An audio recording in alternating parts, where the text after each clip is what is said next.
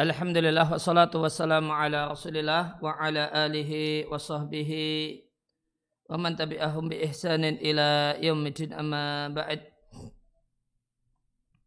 Kaum muslimin dan muslimah rahmani wa rahimakumullah kembali kita lanjutkan mengkaji hadis-hadis Nabi sallallahu alaihi wasallam yang terdapat dalam Al-Arba'in An-Nawawiyah.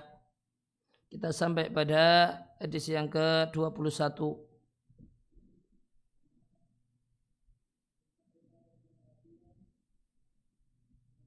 yaitu dari hadis dari Abu Amrin ada yang mengatakan Abu Amrota Sufyan ibn Abdullah radhiallahu anhu beliau bertanya kepada Rasulullah Ya Rasulullah wahai Rasulullah kulli fil islami kaulan sampaikan kepadaku dalam Islam kaulan satu kalimat yang tidak akan aku tanyakan kepada seorang pun selain dirimu. Kal maka Nabi bersabda, Kul katakanlah amantu billahi thumma staqim. Aku beriman kepada Allah dan istiqomahlah rawahu muslimun diatkan oleh muslim. Eh, Tausikul hadis cek validitas hadis. Hadis ini memang dikeluarkan oleh muslim dan hadis ini adalah salah satu dari sejumlah hadis yang menjadi mm, alaiha madaruddin, poros agama. Sahabat yang meriwayatkan hadis ini adalah Sufyan bin Abdullah Al-Thaqafi At-Ta'i. Lahu suhbatun, dia adalah seorang lahu suhbatun, seorang sahabat Nabi. Dan beliau adalah amilan gubernur di yang diangkat oleh Umar bin Khattab untuk daerah Taif. Uh, gharibul hadis kulli fil islami kaulan la as'aluhu anhu ahadan ghairaka. Maknanya adalah alimni kala kala menjami'an ajari aku satu kalimat yang luas cakupannya li amril Islam tentang perkara Islam. Satu kalimat yang kafian yang mencukupi sehingga aku tidak membutuhkan setelah mengetahui kalimat tersebut ila ghairihi pada orang lain. Maka Nabi perintahkan untuk istiqomah. Apa itu istiqomah? Luzumu ta'atillahi ta'ala. Senantiasa taat kepada Allah Ta'ala. Wa ya nizamul umuri. Dan dia adalah ya, tertatanya berbagai perkara. Li'annaha suluku siratil mustaqim. Karena istiqomah adalah menempuh jalan yang lurus. Waluzumuddinil qawimi. Dan senantiasa membersamai agama yang lurus. Min ta'wijin tanpa belok Ya, yamnatan wala yasratan baik ke kanan ataupun ke kiri. Maka tema utama hadis ini istiqomah adalah karamah. Makna global untuk hadis ini Sufyan ibn Abdullah radhiallahu anhu meminta pada Nabi Shallallahu Alaihi Wasallam agar Nabi mengajarinya satu kalimat jami'an li amril Islam yang mencakup perkara Islam satu kalimat yang mencukupi sehingga beliau tidak membutuhkan setelah adanya kalimat tersebut kepada yang lain. Faqala lahu Rasulullah sallallahu alaihi wasallam Antas Rasulullah sallallahu alaihi wasallam bersabda kepadanya Katakanlah aku beriman kepada Allah Thumma kemudian istiqomahlah Ayat artinya Amin billahi biqalbika wa syahad bilisanika Berimalah kepada Allah dengan hatimu dan bersahadatlah dengan lisanmu sebagaimana dalam riat yang lain. Kul Rabbi Allahu. Katakanlah bahasanya Allah adalah Rabbku. Tumastaqim ala hadal imani. Kemudian istiqomahlah di atas iman ini bil a'mali salihati dengan melakukan berbagai macam amal saleh. Wahada dan hadis ini muntazaun diambil dari firman Allah Ta'ala di surat Fussilat ayat yang ke-30 Innalladzina qalu rabbunallah thumma istaqamu Orang-orang yang mengatakan Rabb kami adalah Allah kemudian istiqamah. Tatanazzalu alaihimul malaikatu. Para malaikat turun kepada mereka mengatakan ala takhafu wa la tahzanu. Jangan takut, jangan sedih. Wa abasyiru bil jannati. Bergembiralah dengan surga alati kuntum tu'adun. Yang itu dijanjikan kepada kalian. Surat Fusilat ayat yang ke-30.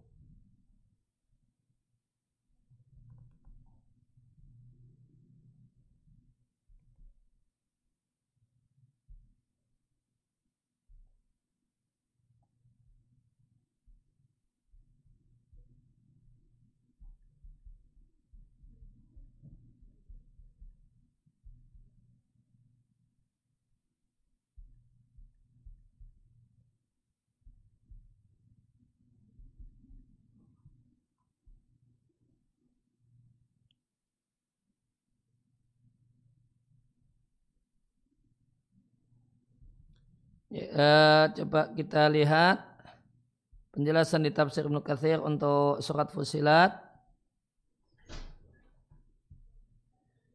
Allah Ta'ala berfirman, Inna ladina qalu rabbunallahu sumastaqamu ay akhlisul amala lillahi.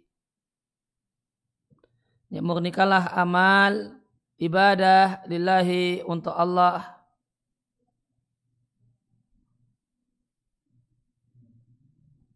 dan ber, uh, dan lakukanlah amal ketaatan kepada Allah sebagaimana yang disyariatkan.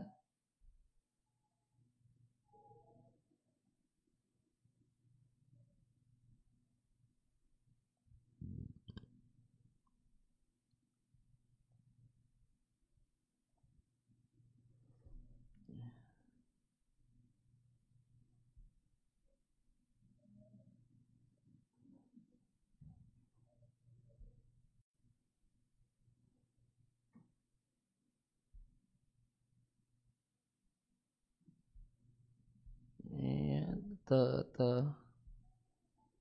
Syekh Sa'di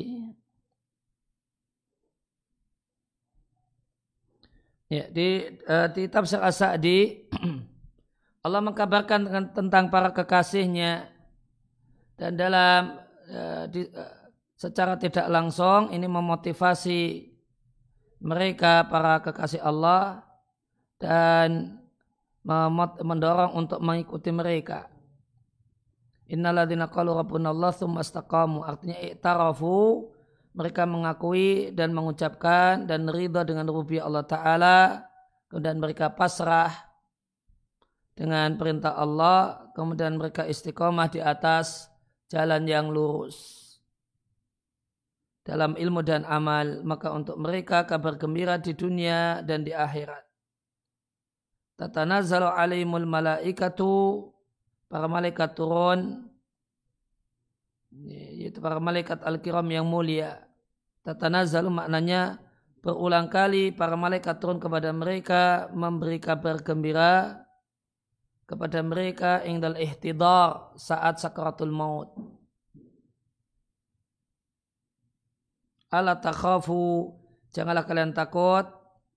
Alama yustakbalu min amrikum ya, berkenaan dengan masa depan kalian wala tahzanu jangan sedih ala ma'amado ya, terhadap ya, masa lalu kalian maka ditiadakan dari mereka hal-hal yang tidak disukai di masa silam dan di masa depan. Dan bergembiralah dengan surga yang dijanjikan kepada kalian. Fa innaha qad ya, wajabat lakum batat karena surga itu satu hal yang wajib bagi kalian dan tetap untuk kalian dan adalah janji Allah itu pasti dilaksanakan.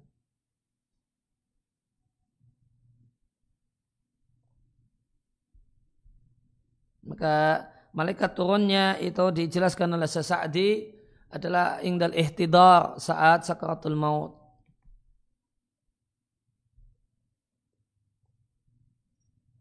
Kembali ke buku. Wa kanatil istiqomatu kafiyatan syafiatan min wujuhin. Dan wasiat untuk istiqomah itu sudah mencukupi syafiah. Sudah satu wasiat yang memuaskan dari sejumlah sisi. Dari tiga sisi. Yang pertama, karena istiqomah itu mengandung agama seluruhnya memuat semua yang Allah beritakan tentang dirinya, tentang hari akhir, tentang para rasul dan semua ajaran yang dibawa oleh rasul. Kemudian yang kedua, ya, istiqomah itu tata doman mengandung kepatuhan kepada perintah Allah, bersabar dan teguh atau kokoh di atas jalan Allah. Yang ketiga, istiqomah itu memuat fi'lal ma'murat wa tarkal mahdurat melakukan yang diperintahkan meninggalkan yang uh, diharamkan. Walidzalika karena tiga hal ini syarat jami'atan lid kullihi maka istiqomah itu mencakup seluruh agama. Agama seluruhnya. Agama dengan seluruh aspeknya dengan seluruh sisinya Kandungan hadis dari perbuatan sahabat yang bertanya kepada Nabi maka bisa disimpulkan dianjurkan bertanya tentang satu perkara yang mencakup khisal al khairi mencakup hal-hal yang merupakan kebaikan. Kemudian yang kedua bertanya adalah miftahul ilmi kunci ilmu. Maka dari pertanyaan yang disampaikan oleh sahabat, kita dapatkan ilmu yang terkandung dalam hadis ini. Sepatutnya orang yang tidak mengetahui satu hal, menanyakannya kepada ahla dikri, kepada orang yang berilmu.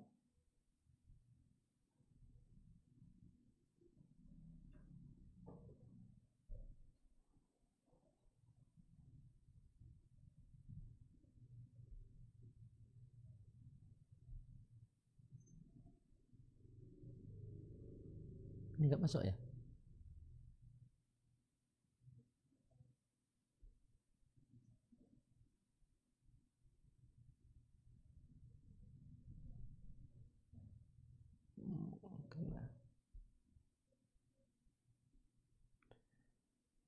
Ya, kemudian. Kemudian yang keempat, yang bari li talibil ilmi sepatutnya bagi penuntut ilmu untuk antusias ada soal untuk bertanya dengan pertanyaan yang memuat lil khairi banyak kebaikan. Kemudian yang kelima, iman itu adalah ucapan dan perbuatan. Karena pesan Nabi ini isinya adalah uh, karena Nabi katakan aman tu billah aku beriman kepada Allah nah, ini ucapan. Semastaqim kemudian istiqomahlah nah, ini unsur perbuatannya. Kemudian yang keenam istiqomah adalah satu derajat yang tinggi tadulu yang menunjukkan ala kamalil iman keimanan yang sempurna wa uluwil himmati dan cita-cita yang tinggi Yang ketujuh, antusias para sahabat ala ma'rifatil khairi untuk mengetahui kebaikan dan mengetahui hal-hal yang manfaat bagi mereka dalam aspek agama ataupun dunia.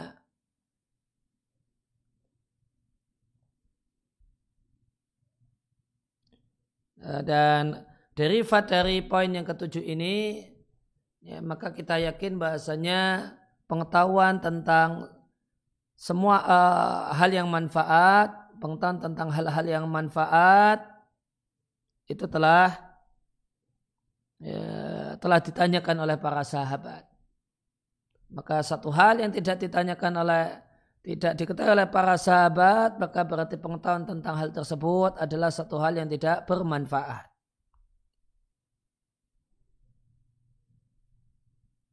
Kemudian yang kedelapan menjadi kewajiban menuntut ilmu untuk memilih pertanyaan yang cerdas.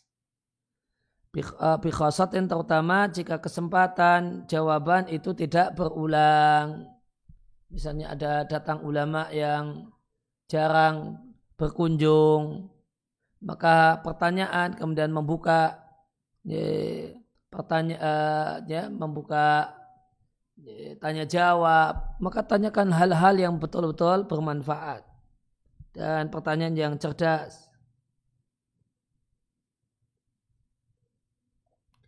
Kemudian yang kesembilan, semata-mata iman belumlah cukup bagi orangnya.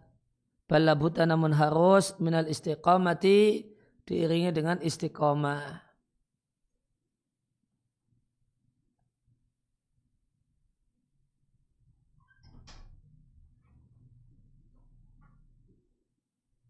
Kemudian istiqomah itu digandingkan dengan istighfar. Di surat Fusilat ayat yang ke-6, fastaqimu ilaihi wastaghfiruh. Ya, maka istiqomalah ilaihi menujunya wastaghfiru dan mohonlah ampun kepadanya. Wa ada yadullu ala anal istiqamata al hakikiyata la yabalughuha ayu ahadin. Maka hal ini menunjukkan bahasanya istiqomah yang hakiki tidak bisa dicapai oleh siapa pun orangnya.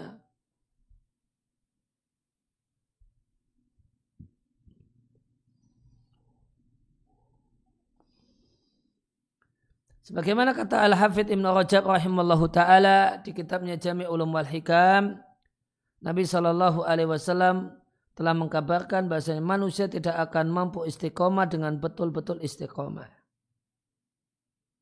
Dalam Sahih Bukhari dan Sahih Muslim dari Abu Hurairah radhiallahu anhu, Nabi Shallallahu alaihi wasallam mengatakan saddidu wa qaribu. Bersikaplah yang tepat wa qaribu atau dekatilah ya, yang ideal atau itu bersikaplah yang ideal dan tepat wakaribu atau uh, dekati kondisi ideal Fasadadu maka asadat maknanya adalah hakikatul istiqamati adalah istiqomah yang hakiki yaitu ketepatan dalam semua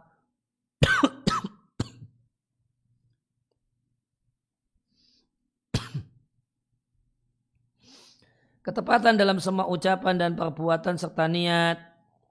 Kalla diyarmi ila ghardin. Ghardin itu sasaran anak panah. Semacam orang yang memanah satu sasaran. Fayusi buhu lantas tepat mengenai sasaran. Nah itu sadat. Yang di dalam hadis ya, sadidu. Sedangkan wakaribu diambil kata-kata mukarabah wal muqarabah ayusiba maqaruba minal ghordi. Anak panah itu mengenai di dekat sasaran. Jika tidak bisa mengenai sasaran itu sendiri. Dan ini satu hal yang tidak mengapa. Walakin bisyarti namun dengan syarat. Ayakuna musammiman. Dengan syarat bertekad kuat ala qasdi sadadi wa isabatil ghardi bermaksud untuk ya, ya, ya musamiman bertekad kuat ala qasdi sadad ya, dengan bermaksud untuk tepat. Wa isabatil ghardi mengenai sasaran. Fatakunu muqabatuhu sehingga dekat dengan sasaran itu an ghairi amdin tidak sengaja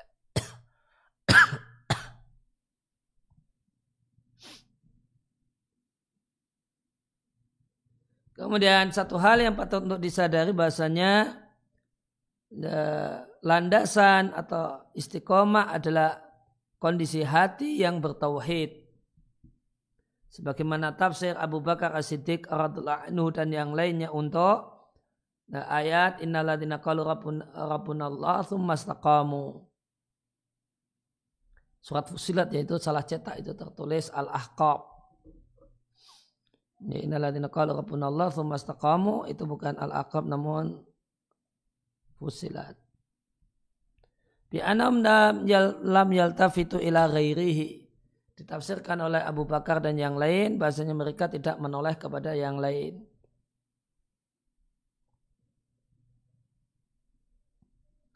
Famata maka jika hati itu istiqomah mengenal Allah, punya rasa takut kepada Allah, memuliakan Allah, punya kemudian mahabah, e, merasa takut kepada Allah. Kalau mahabah itu takut. Tapi kalau mahabbah itu cinta. Nah, ini ini mungkin e, mirip ya dari sisi pengucapan.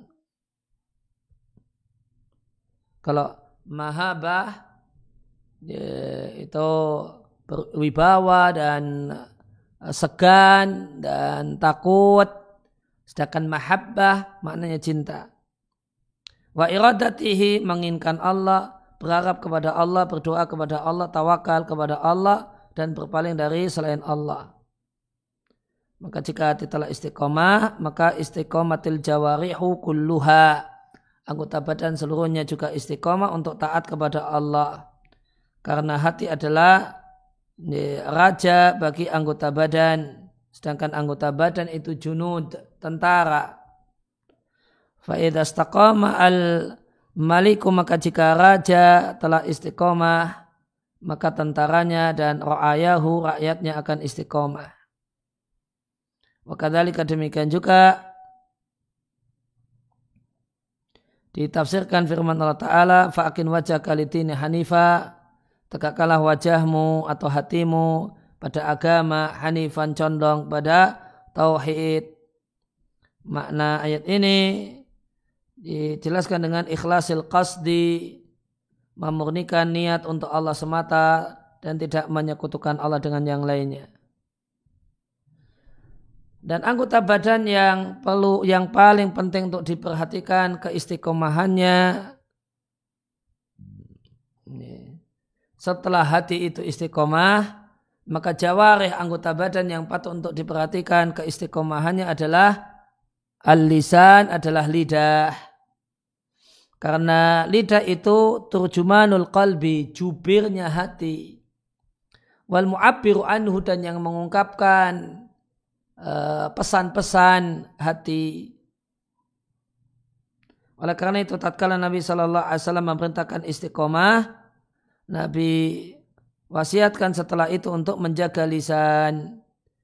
Dalam hadis uh, dalam Musnad Imam Ahmad dengan sanad yang hasan dari Anas radhiallahu anhu, Nabi sallallahu alaihi wasallam menyampaikan, la yastaqimu imanu abdin hatta yastaqima qalbuhu. Iman seorang hamba tidak istiqomah sampai hatinya istiqomah. Dan hati tidak akan istiqomah sampai lidah istiqomah.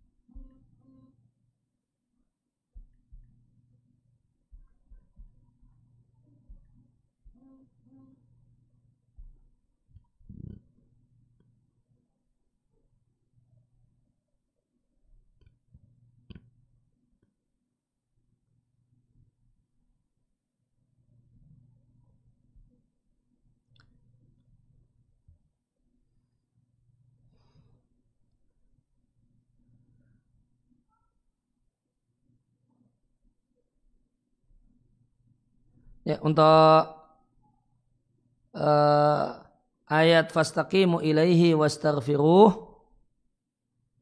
Di tafsir At-Tabari maknanya yaqulu Allah berfirman istiqomalah ilaihi menuju Allah dengan taat. Hadapkanlah kepada Allah wajah kalian birohbah dengan minat yang kuat dan ibadah.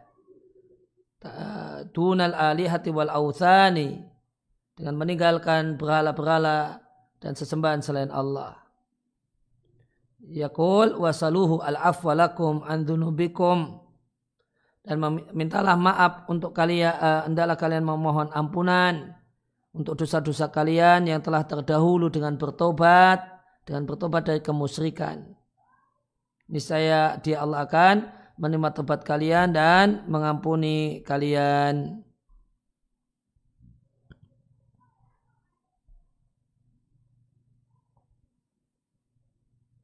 Kalau di tafsir As-Sa'di untuk uh, fastaqimu ilaihi wastaghfiruh dijelaskan dengan ai usluku siratal musila tempuhlah jalan yang mengantarkan kepada Allah Ta'ala dengan membenarkan berita yang Allah kabarkan, mengikuti perintah, menjadi larangan. Dan inilah hakikat istiqomah. Thumma dawamu ala dalik, kemudian terus menerus seperti itu. Maka kata-kata ilaihi, apa maknanya? Tanbihun alal ikhlasi. Ini adalah mengisyaratkan istiqomah itu harus ikhlas. Wa anal amila orang yang beramal sepatutnya baginya menjadikan maksud dan tujuannya yang dia beramal karenanya adalah sampai kepada Allah. Sampai ke surga Allah. Dengan itu, dengan niatnya adalah sampai kepada Allah dan surga Allah, maka amalnya adalah amal yang ikhlas, amal yang saleh, amal yang manfaat. Dan hilangnya hal ini, maka jadilah amal itu satu hal yang batil.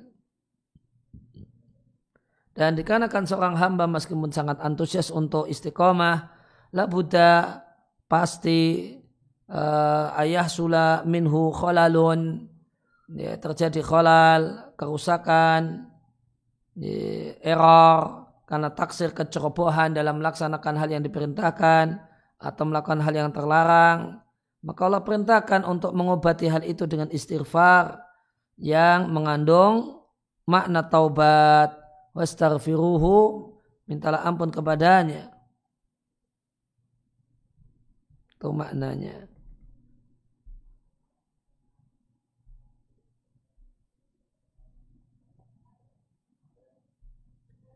Kemudian hadis yang ke-21. Dari Abu Abdullah Jabir bin Abdullah Al-Ansari. Radhiallahu anhuma ada seorang yang bertanya kepada Rasulullah sallallahu alaihi wasallam Ara'aita apa pendapatmu? In salaitul maktubati jika aku ya, salat ya, mengerjakan salat-salat yang wajib. Wasum tu ramadana aku puasa Ramadan aku meyakini halalnya yang halal. Aku meyakini haramnya yang haram dan meninggalkannya. Walam azid ala dalika syai'a dan aku tidaklah lebih tidak menambahi ya, hal itu. Tidak ada syai'an sedikit pun yang lainnya kecuali ya tidak aku tambahi sesuatu pun ya cuma semata-mata melakukan hal-hal di atas. Apakah aku akan masuk surga? Uh, maka Nabi mengatakan na'am iya. Rawahu muslimun diatkan oleh muslim. Cek validitas hadis. Hadis ini dikeluarkan oleh muslim. Wazada fi akhirih dan di akhir hadis terdapat tambahan wallahi la azidu ala dalika syai'a. Demi Allah aku enggak akan tambahi sedikit pun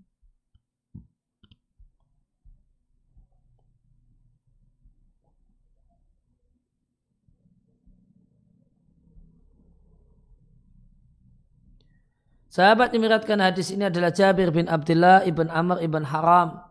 Sahabat, ini ayahnya juga sahabat Nabi. Mengikuti uh, bayah akobah yang kedua bersama ayahnya. Berperang bersama Rasulullah Sallallahu Alaihi Wasallam sebanyak sembilan kali peperangan. Sebagaimana akhbar, sebagaimana yang beliau ceritakan sendiri. Namun beliau tidak ikut perang Badar dan Uhud. Dia termasuk sahabat yang banyak banyak meriatkan hadis dari Rasulullah sallallahu alaihi wasallam. Hadis-hadisnya diriatkan oleh Syekhani, Bukhari dan Muslim, Ashabu Sunan yang empat, kitab-kitab dan kitab-kitab musnad. Hadis-hadisnya memenuhi buku-buku induk dalam Islam.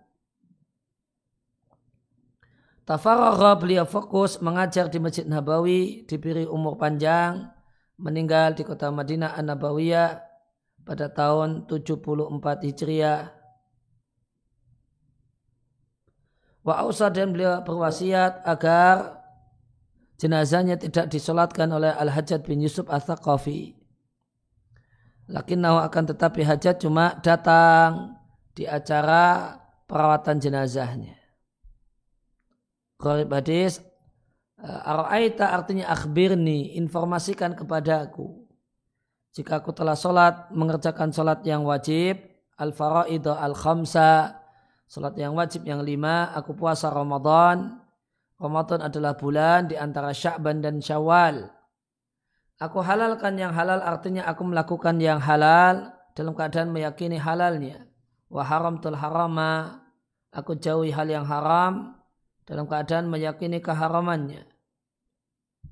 Dan uh, dan orang yang bertanya pada Rasulullah sallallahu alaihi wasallam adalah seorang bernama An-Nu'man bin Qaufqal sebagaimana dalam riwayat Muslim. Ya, tema utama hadis ini adalah amal yang memasukkan ke dalam surga. Makna globalnya dalam hadis ini seorang sahabat namanya An-Nu'man bin Qawqal radhiyallahu anhu bertanya kepada Rasulullah sallallahu alaihi wasallam. Bahasanya beliau uh, mengerjakan uh, salat wajib yang lima dan puasa bulan Ramadan, menghalalkan yang halal, ya amalan dari sisi amal wa dan keyakinan. Artinya dari sisi amal berarti melakukan. Hal-hal yang halal yang mubah dilakukan wa'tiqadan dalam dalam keadaan meyakini kalau itu halal. Dan mengharamkan yang haram amalan wa'tiqadan dalam sisi amal berarti meninggalkan yang haram i'tiqadan karena meyakini keharamannya. Namun tidak lebih dari hal itu tidak ditambah syai'an sedikit pun. Apakah hal ini memasukkan ke dalam surga? Maka Rasulullah Sallallahu Alaihi Wasallam mengkabarkan kepadanya bahasanya jika beliau melakukan hal itu karena iman dan mengharap pahala, niscaya masuk surga. Jika ditanyakan eh, tidak disebutkan dalam hadis ini zakat dan haji, mengapa demikian? Maka jawabannya anna dzalika yadkhulu sebenarnya hal itu sudah masuk dalam aku mengharamkan yang haram karena tidak bayar zakat hukumnya haram tidak berhaji padahal mampu, hukumnya juga haram. Kandungan hadis. Yang pertama, para, eh, para sahabat adalah orang yang antusias untuk bertanya kepada Nabi Sallallahu Alaihi Wasallam dengan pertanyaan yang positif dan pertanyaan-pertanyaan manfaat.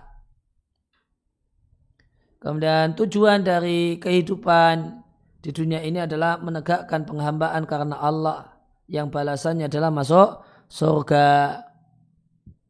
Kemudian mengerjakan sholat lima waktu, puasa Ramadan, eh, menghalalkan yang halal, mengharamkan yang haram, min asbabi dukhulil jannati adalah di antara sebab masuk surga. Kemudian yang keempat, manusia bertingkat-tingkat dalam uh, tingkatan iman ada yang antusias untuk mendapatkan kedudukan yang sangat tinggi, ada yang bertanya tentang hal yang menyelamatkannya, maka ini menegaskan akidah alusunah wal jamaah tentang masalah iman. Bahasanya iman itu bertingkat-tingkat, bertambah dan berkurang. Kemudian yang kelima, sepatutnya orang yang menyimak hendaknya yatanabah memperhatikan pertanyaan-pertanyaan yang ditujukan kepada guru dan menghadirkan hatinya ketika pertanyaan-pertanyaan tersebut disampaikan. Wa yasma'uha bi'udunin wa'iyah. Dia dengarkan pertanyaan tersebut dengan telinga yang wa'iyah memperhatikan. Supaya mendapatkan faedah dan manfaat ya, mendengar pertanyaan yang ditujukan kepada guru dan menyimak jawabannya.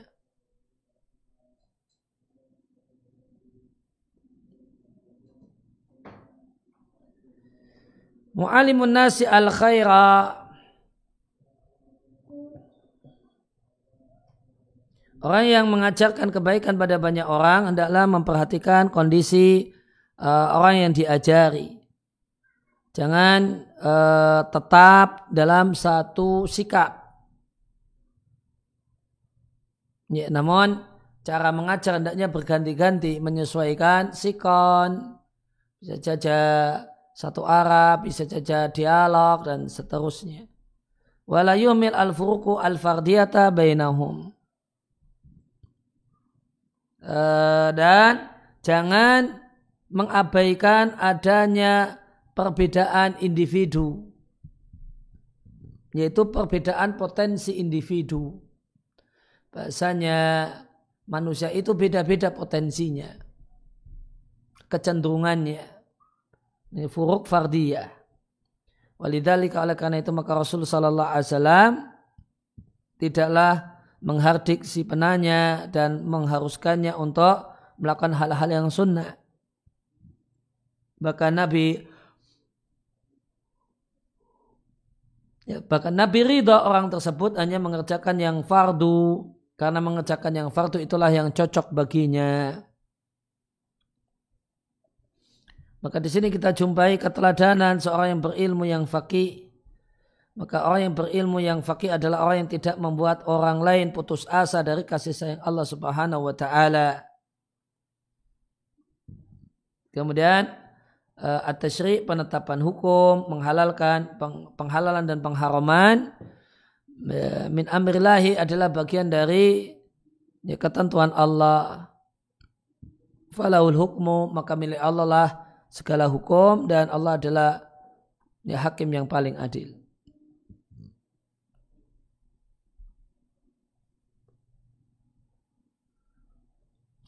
Kemudian fihi isi hadis ini menjelaskan keutamaan dan keistimewaan amal-amal yang wajib. Wa annaha dan bahasanya amal-amal yang wajib adalah perkara yang paling di, ya, disukai ya, digunakan untuk mendekatkan diri seorang hamba uh, mendekatkan diri dengannya ila rabbi kepada Rabbnya.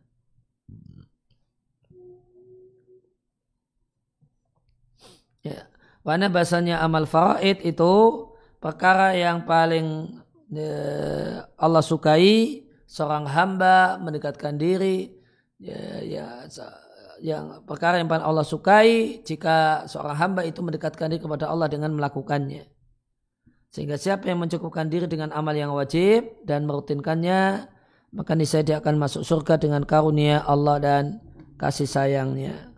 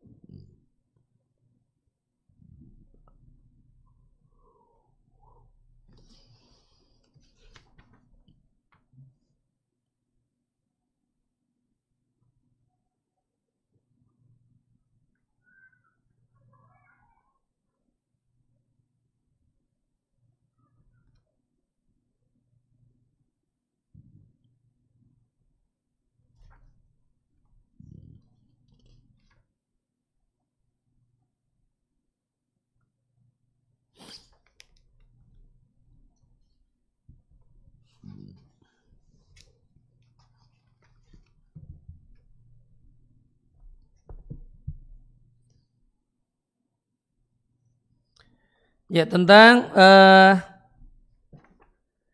ya, tadi ada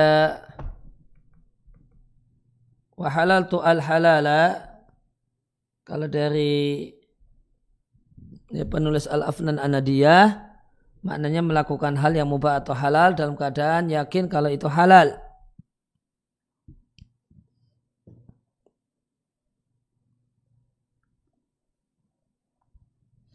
Ya, kalau untuk maka sebagian ulama menilai kalau yang dimaksudkan dengan menghalalkan yang halal itu adalah uh, aspek keyakinan saja.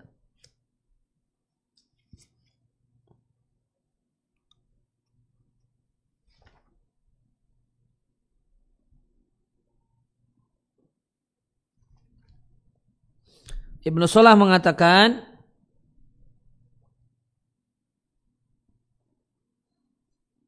Kalau ahlal tul halala itu di, disampaikan oleh An-Nawawi di matan arba'in fa'altuhum mu'taqidan hillahu aku melakukan hal yang halal dan mubah karena dalam keadaan meyakini halalnya. Ibnu Salah mengatakan kemungkinan yang lebih mendekati anau qasada bihi i'tiqada hurmatihi.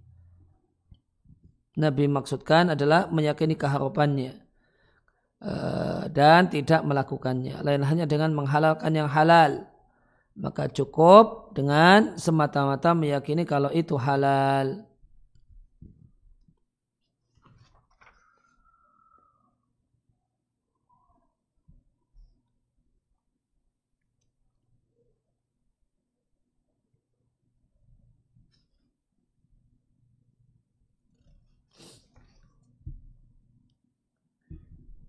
Nah.